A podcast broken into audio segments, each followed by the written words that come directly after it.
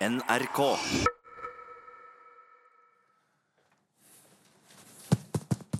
Skal vi se, Da høres det ut som eh, man hører meg. Ærede lagmann, ærede lagdommere, ærede lagrette.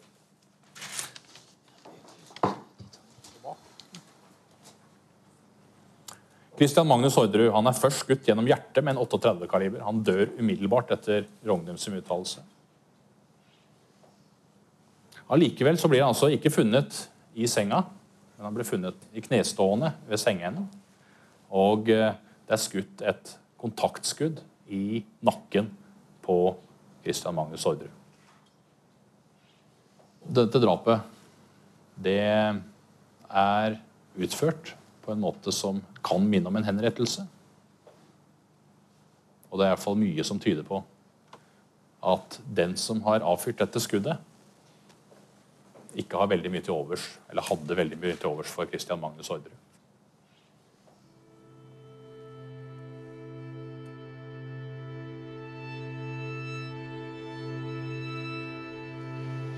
Så har vi innkalt til denne pressekonferansen i forbindelse med en eh, trist melding som kom på første pinsedag til politiet på Romerike. Det var litt før klokken 11 i formiddag at eh, politiet i Sørum da fikk melding om at tre personer var drept på sin bolig, en gård som heter Orderud i Sørum. De tre døde er Christian Orderud, 81 år gammel, og hans hustru Marie Orderud, 84 år gammel, og deres datter Anne eh, Orderud Paust, 47 år gammel. Det er snart 20 år siden nå. Tre mennesker ble skutt og drept i et hus på familiegården Orderud utafor Oslo. Antagelig var det to skyttere i huset den natta, og det virker som den ene skøyt ganske vilt, mens den andre skøyt kontrollert. Vi veit fortsatt ikke hvem som brøyt seg inn og tok livet av de tre menneskene på Orderud gård i pinsen i 1999. Bare at fire mennesker er dømt for å ha medvirket til drapene. Men hvordan forteller vi denne historien? Det fins så mye informasjon der ute, om våpen og biler og fotspor og kulehull og telefonsamtaler, at det er lett å glemme at dette handler om mennesker. Tre drepte og fire dømte. Hvis vi legger politiarbeid og etterforskning til side, så trer disse menneskene tydeligere fram. For disse sju, de levende og de døde, de kjente hverandre. De fleste av dem var i familie. Det er dette denne podkasten skal handle om. Menneskene. Og vi begynner med hun som brakte familiene Orderud og Kirkemo sammen. Den unge veterinærstudenten Veronica. Jeg ville be Veronica Orderud reise seg opp. Jeg har vel aldri sett et menneske som har elska et annet menneske så høyt. Jeg ville gjerne hele tiden tro på Veronica, men eh, jeg skjønte at noe var galt. De prøver så godt de kan å ødelegge livet mitt. De kan nøye seg med å ødelegge sine egne. Så snur hun seg til meg og sier hun, enten så er det vi som dør, eller så er det de som dør. Mitt navn er Joakim Førsund. Dette er podkasten Familiene på Orderud. Første episode Veronicas dagbok.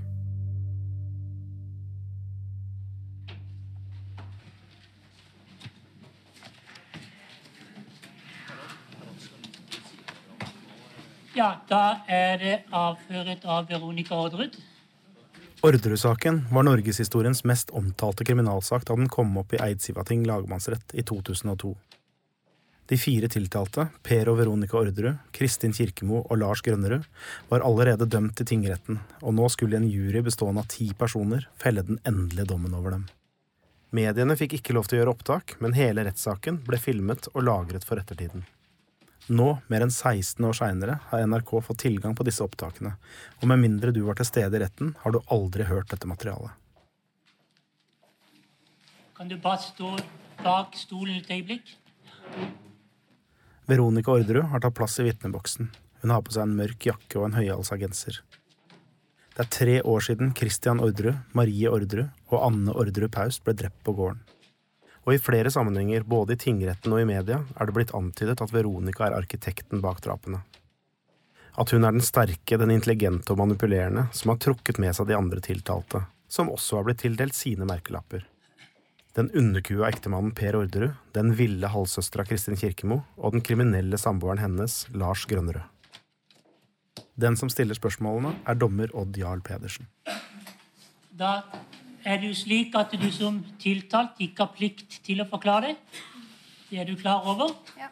Og så spør jeg deg om du ønsker å forklare deg. Ja. Og da er det slik at jeg skal oppfordre deg til å forklare deg sant. Da skal jeg kanskje begynne med å stille noen spørsmål. Og at du da begynner å forklare litt om din bakgrunn, slik som din mann har gjort før. Ja. Ja, vær så god. Ehm, Du er født i Oslo. ja. Så har jeg vokst opp på Ekeberg. Sammen med i en vanlig familie med tre søsken. Ja. Og jeg har gått på barneskole på Ekeberg. På ungdomsskole på Bramfjell. Og så gikk jeg på Oslo katedralskole.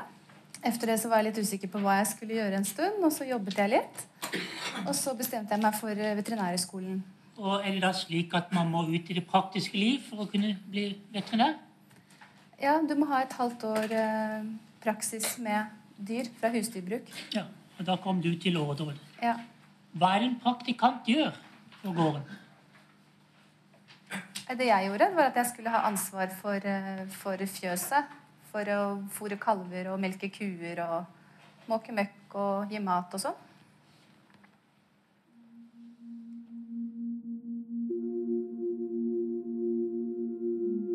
Veronica forteller at hun leita etter ro da hun kom til Ordre gård. Og rolig var det. Men gården var ikke så flott, akkurat. Møblene var gamle, men ikke gamle på den fine måten, og skapdørene hang på skeive, og vannet i springen var brunt, og låven var helt grå fordi den ikke var malt på årevis. Men Per var rolig, og det likte Veronica. Han møtte henne på trammen i kordfløyelsbukser og pensko, og så fortalte han litt om kuene og litt om åkrene, og så begynte de å jobbe, sammen. Og så blei det bare sånn. At den enslige bonden på Ordre gård hadde fått seg dame fra Oslo. Nei, jeg, jeg bodde jo først i det Veslebygningen. Det lille Ja. huset ved siden av eh, eh, hovedhuset. Men så etter en stund så var jeg så mye inne hos uh, Per at jeg like godt kunne flytte inn. Så jeg flyttet inn ved juletider. da. Fant du til rette på Orderud? Ja, jeg synes stort sett det. Det var eh, Det er jo klart at det var ikke så lett. Så jeg var jo 21 år da jeg kom til Orderud. Så det var jo på en måte møte med et liv som var ganske annerledes enn det jeg var vant til å leve. Men samtidig så var det en sånn ro og harmoni over livet der som jeg likte veldig godt. Og som jeg følte at jeg ikke hadde hjemme.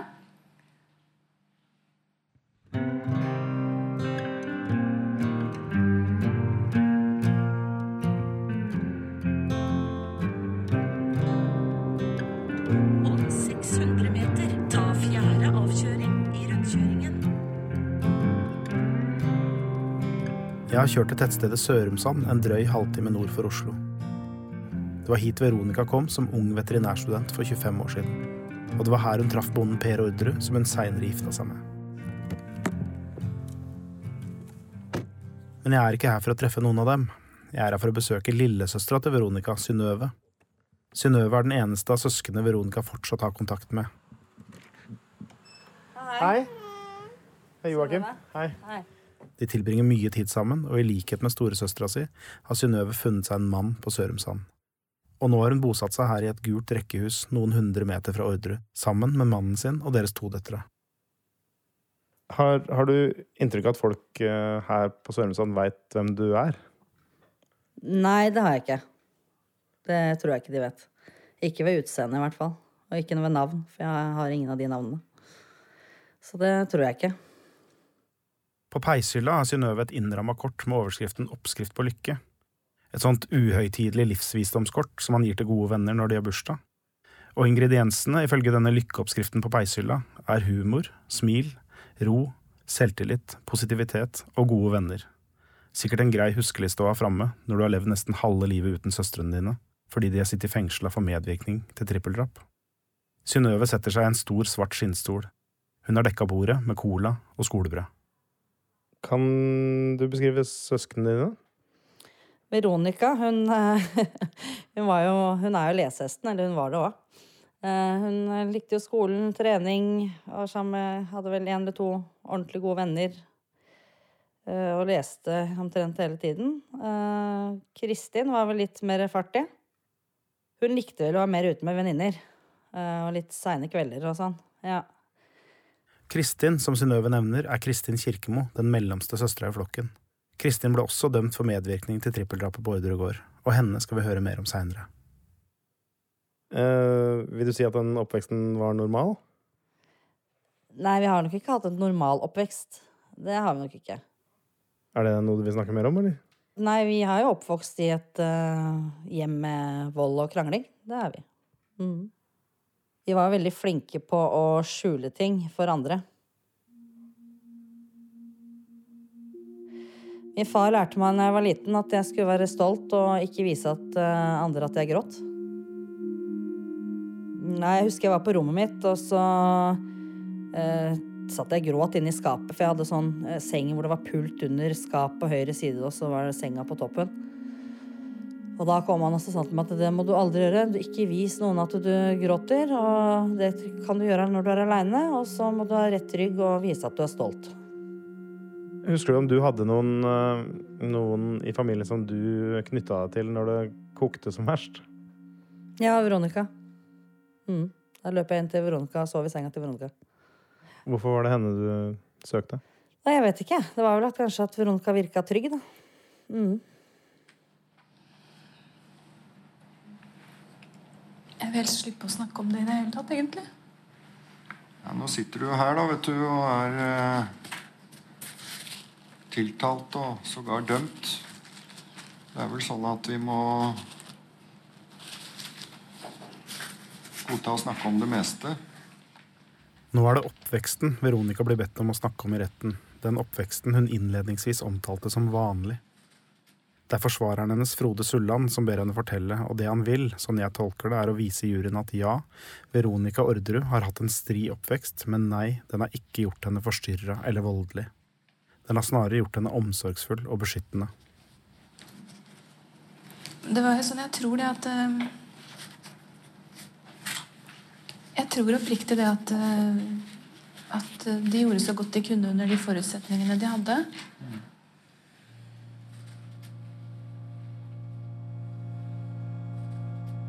Du var jo storesøster, du, da, for disse tre andre.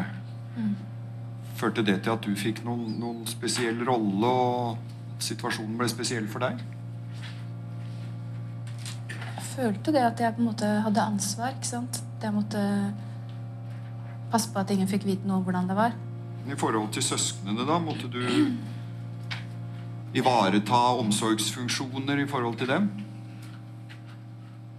Det var jo særlig særlig Synnøve, fordi hun er så mye mindre. Kan du gi noe mer bilde av hvordan du da hadde oppgaver eller måtte stille opp i forhold til henne? Nei, det var med henne mye. Jeg var med henne på skolen og på foreldremøter og Foreldremøter? ja, sånne ting. Mm. Jaha, istedenfor foreldrene? Mm.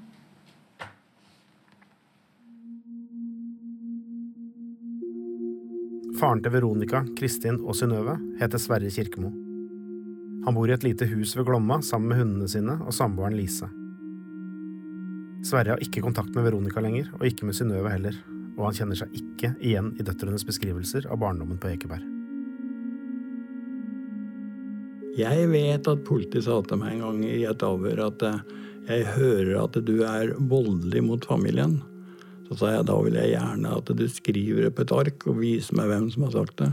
Men det fikk jeg ikke. Jeg kjenner ikke igjen den delen Veronica fremstiller der, altså.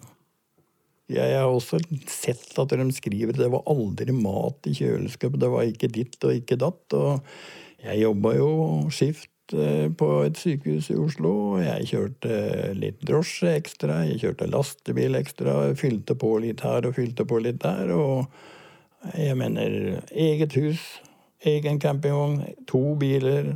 Jeg, mener, jeg, jeg, så ikke egentlig at det var noen som hadde problemer med å finne mat eller ha det godt i det der hjemmet der sånn.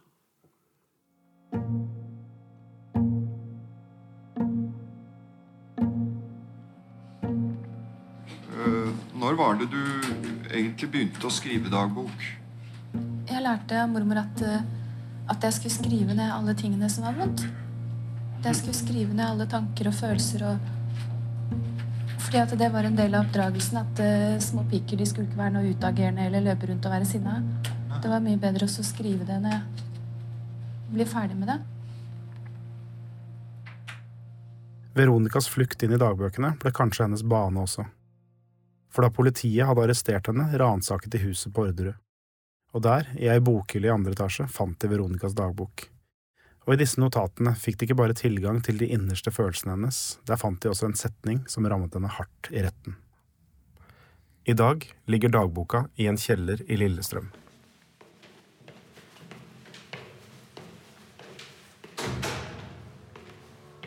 Dette er skrittene til den pensjonerte politimannen Tore Kampen.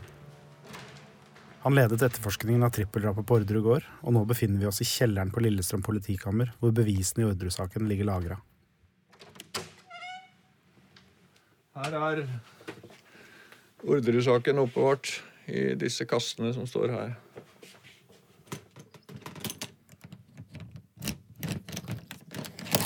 Og her kommer vi vel til det som dere Det som ble benevnt som dagboka. Og det var min kollega som fant. Så jeg holdt på et litt annet sted, og jeg hørte at hun ropte at eh, jeg måtte komme med en gang. Eh, og så begynte vi å lese, da, for det er jo ganske mange sider å lese. Kan du fortelle litt om hva slags relevans dette her har for saken? Nei, det er jo Veronica som på en måte skriver om sine frustrasjoner knyttet til svigerforeldrene.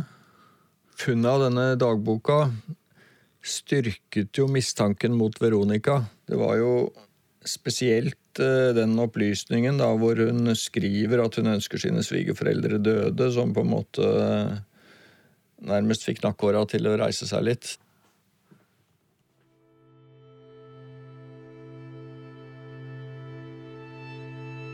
I skogkanten 250 meter fra hovedhuset på Orderud gård ligger kårboligen. Dit flytta Christian og Marie Orderud, altså svigerforeldrene til Veronica, da sønnen Per overtok driften av gården. Christian Orderud hadde dårlig syn og skrantende helse. Han var ikke med i fjøset lenger. Men nå og da satte han seg i traktoren, kjørte ut på jordet og fortalte sønnen høylytt hvordan en bondegård skulle drives. Likte du han? Jeg syns det er forferdelig vanskelig å sitte, for at man har jo dette i Norge. ikke sant, at det er så, Man skal aldri si noe stygt om de døde, og det, det har jeg heller ikke lyst til å gjøre. Jeg syns at jeg hadde et ålreit forhold til Christian og Marie, og vi hadde mye positivt sammen også. Men uh, det var et familieforhold. Og det er jo slik at du, du, kan på en måte ikke velge de menneskene du blir, havner i familie med. Du kan i hvert fall ikke velge svigerfamilien din. Så, men jeg må innrømme nå at jeg, jeg likte ikke Christian noe særlig godt som menneske. Jeg gjorde ikke det. Nei, Hvorfor ikke det? Jeg syns ikke Som sagt så, så, må man Den gangen, mens han levet, så oppfattet ikke jeg Christian som en noe særlig sympatisk person. Jeg gjorde ikke det.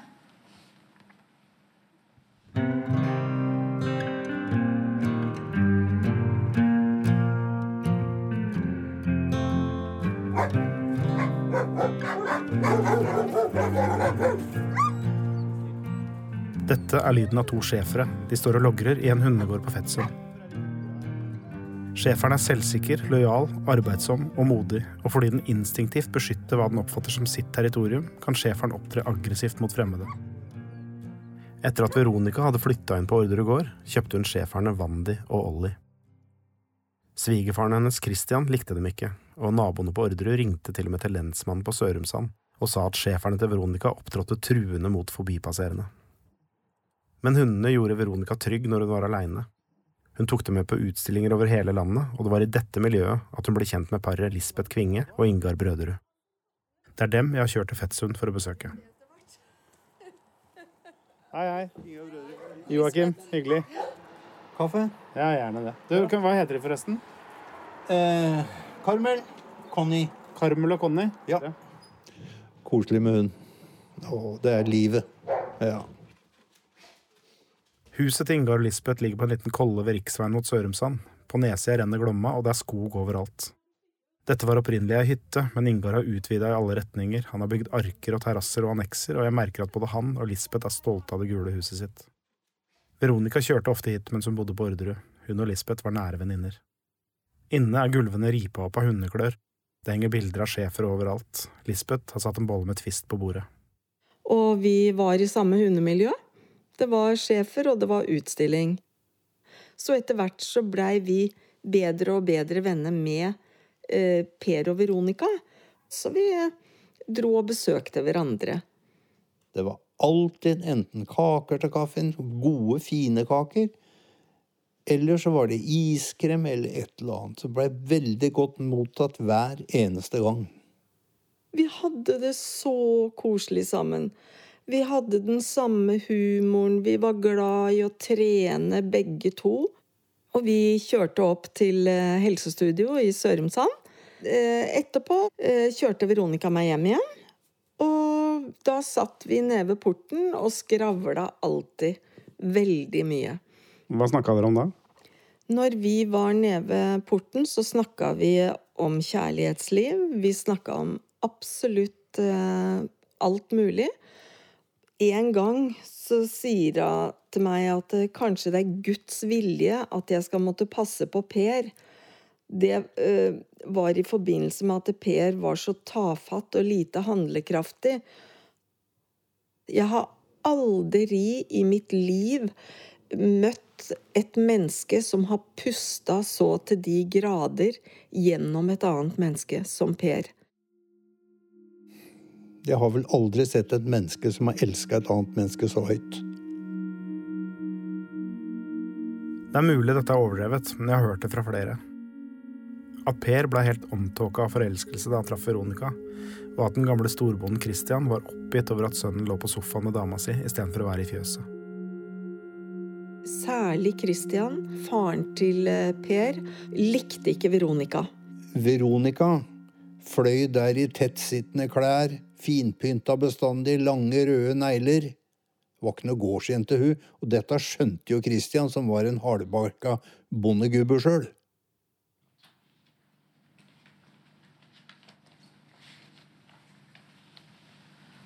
Du har jo skrevet i dagboka di om eh, svigerforeldrene dine også.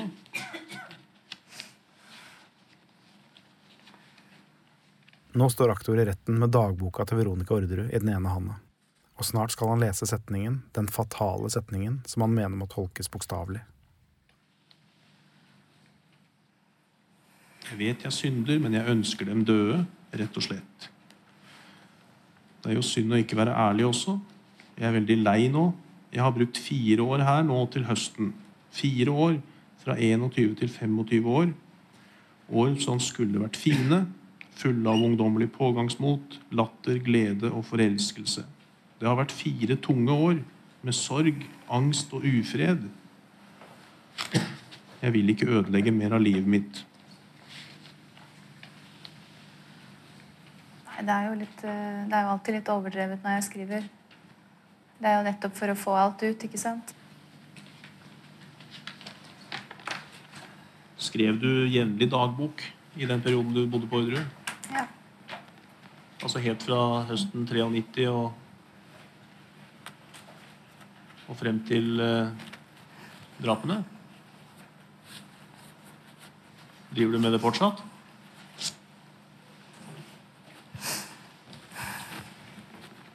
Spurte du om jeg driver med det fortsatt? Ja.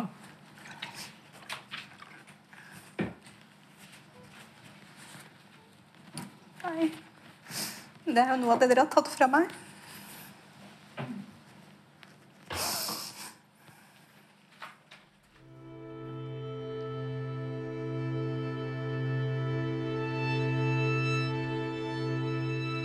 Husker du det? Ja. ja. Jeg husker det at de spurte i lagmannsretten om jeg fortsatt skrev dagbok. Og da, da husker jeg selvfølgelig det. At det, det kunne jeg jo ikke gjøre lenger etter 1999. Nettopp fordi at eh, noen hadde trådt over den streken og lest det. Og det er jo ikke meningen. Og det har jo aldri vært meningen. Dette er Veronica Orderud nå høsten 2018. Hun har arva morens toromsleilighet i Oslo og er for tiden jobbsøkende. Veronica har sittet i 14 år i fengsel, og gjennom alle disse åra har hun sagt at hun er uskyldig. Leiligheten er liten og ryddig og møblert i grått og svart, og den røde neglelakken, den har hun fortsatt. Jeg har jo alltid skrevet disse dagbøkene. Når jeg var eh, liten, så var jo det på en måte min flukt. ikke sant? Fordi at det var så mye leven og så mye støy hele tiden. Og så ble det at jeg bare på en måte søkte inn i mitt univers og fikk på en måte utløp for alle disse tankene og tingene som jeg ikke hadde noen å snakke med om. da. Uh, og sånn ble det jo nå. Altså, så den dagboka er jo bare selvfølgelig mye tull og mye barnsligheter. og alt mulig sånn. Så, så er det selvfølgelig da ikke meningen at det, noen andre skal lese det. Så det er ikke meningen at politiet skal se at du ønsket uh, Christian og Marie døde? Nei, det var absolutt ikke meningen at politiet skulle lese den uh, dagboka. Nettopp fordi at det er jo ment fordi at jeg skal ha ut vanskelige følelser der og da, og så skal det være ferdig. Hvordan var uh, forholdet ditt til Christian og Marie? Jeg trodde vel egentlig at det var ganske greit. Altså, jeg var jo veldig klar over at uh, Christian ikke var så veldig begeistret for meg, men det gikk jo på dette at uh, han mente at jeg var liksom så ung ikke sant? og hadde jo ikke greie på noen ting. og kunne jo ikke noen ting, og Det var jo sånn, og det hadde han jo for så vidt rett i òg. Det er jo klart, Han hadde jo drevet denne gården siden han var 14 år. eller noe sånt nå. Christian sa aldri noe stygt til meg. Han sa aldri noe gærent til meg. Det har aldri vært noe krangel mellom oss eller noen episode mellom oss. eller... Altså, alt jeg har fått vite om hva han har tenkt og ment om meg, og sånn, er jo ting jeg har fått vite i ettertid. Jeg visste jo ikke det den gangen. På et eller annet tidspunkt der så ble jo Christian syk. Eh, jeg tror han hadde Hvis jeg ikke husker helt feil, så fikk Christian eh, kreft i tykktarmen, tror jeg det var.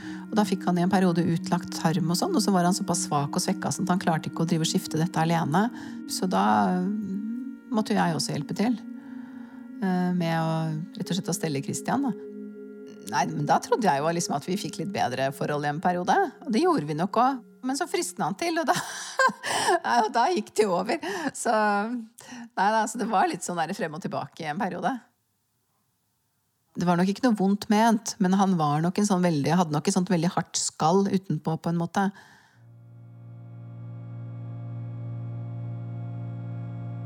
Det er ganske forvirrende, dette her. Er hun hensynsfull, eller er hun hensynsløs? Jeg sitter her i leiligheten til Veronica Orderud, som er dømt for å ha planlagt drapet på tre mennesker hun kjente godt. Og nå forteller hun om hvordan hun stelte den ene av dem da han blei alvorlig sjuk. Veronica snakker uanstrengt om livet på Orderud gård. Samtalen flyter fint, og selv om hun løy til politiet da hun ble pågrepet for nesten 20 år siden, om flere ting, så sitter jeg ikke her og tenker at nå ljuger hun, eller nå ljuger hun, eller nå ljuger hun. Men så dukker spørsmålet opp likevel. Var hun glad i ektemannen sin, eller var hun ikke? Ville hun at det gamle ekteparet i kårboligen skulle dø, eller er det bare sånn man skriver når man er frustrert, i en dagbok som ingen skal lese uansett? Veronica Ordrus blikk er rolig, men hendene er rastløse. Hun vrir armbåndet sitt rundt og rundt, og noen ganger når hun snakker om ting som skjedde for lenge siden, lukker hun øynene, og hun holder dem lukket. Lenge. Kan du huske noen øyeblikk av lykke og harmoni fra barndommen? Nei Nei, jeg tror jeg kan egentlig ikke huske noe øyeblikk av lykke og harmoni fra barndommen i Svaleveien. Det kan jeg ikke. Um, det var veldig mye rart. var du redd? Ja, var, jeg, det, jeg, var absolutt redd. Altså, det, var, det var krangler, og det var episoder og netter hvor jeg var redd. Og det var det jo det var det jo for de andre også. For jeg vet jo at uh, i hvert fall broren min han var, uh, Det var flere ganger han ikke turte å komme hjem. Uh, han gjemte seg ute. Jeg husker jo En gang i en morgen så fant jeg han i bærbuskene. Da hadde han jo vært ute og gjemt seg under bærbuskene hele natta fordi han ikke turte å komme hjem. Det var jo ingen for oss ungene å be om hjelp, da.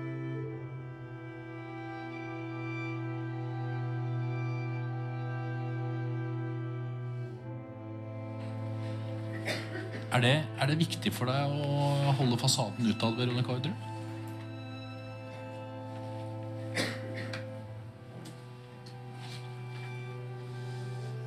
Um, jeg skjønner godt at du lurer på det. Mm.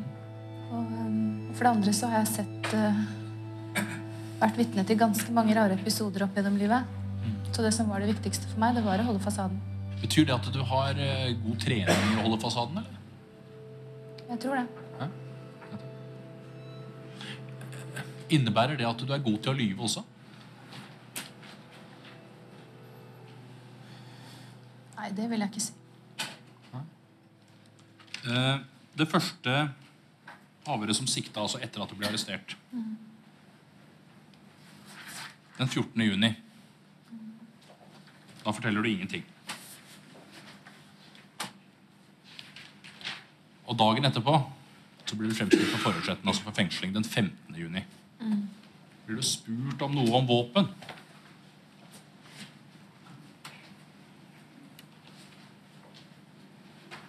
Ja, det tror jeg. Men jeg, jeg husker ikke det nå. Nei.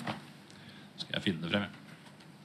Siktede vet ikke at de har hatt våpen, våpendeler og ammunisjon på gården utover et luftgevær og ammunisjon til dette. Står det her. Er det et uh, svar på et spørsmål om hvorvidt uh, det har vært våpen på Orderud gård? Mulig. Har du noen formening om hvorfor du sier at du ikke vet om noen slike våpen da? Nei, jeg løy helt bevisst om den episoden. Hva sa du? Jeg løy helt bevisst om den episoden.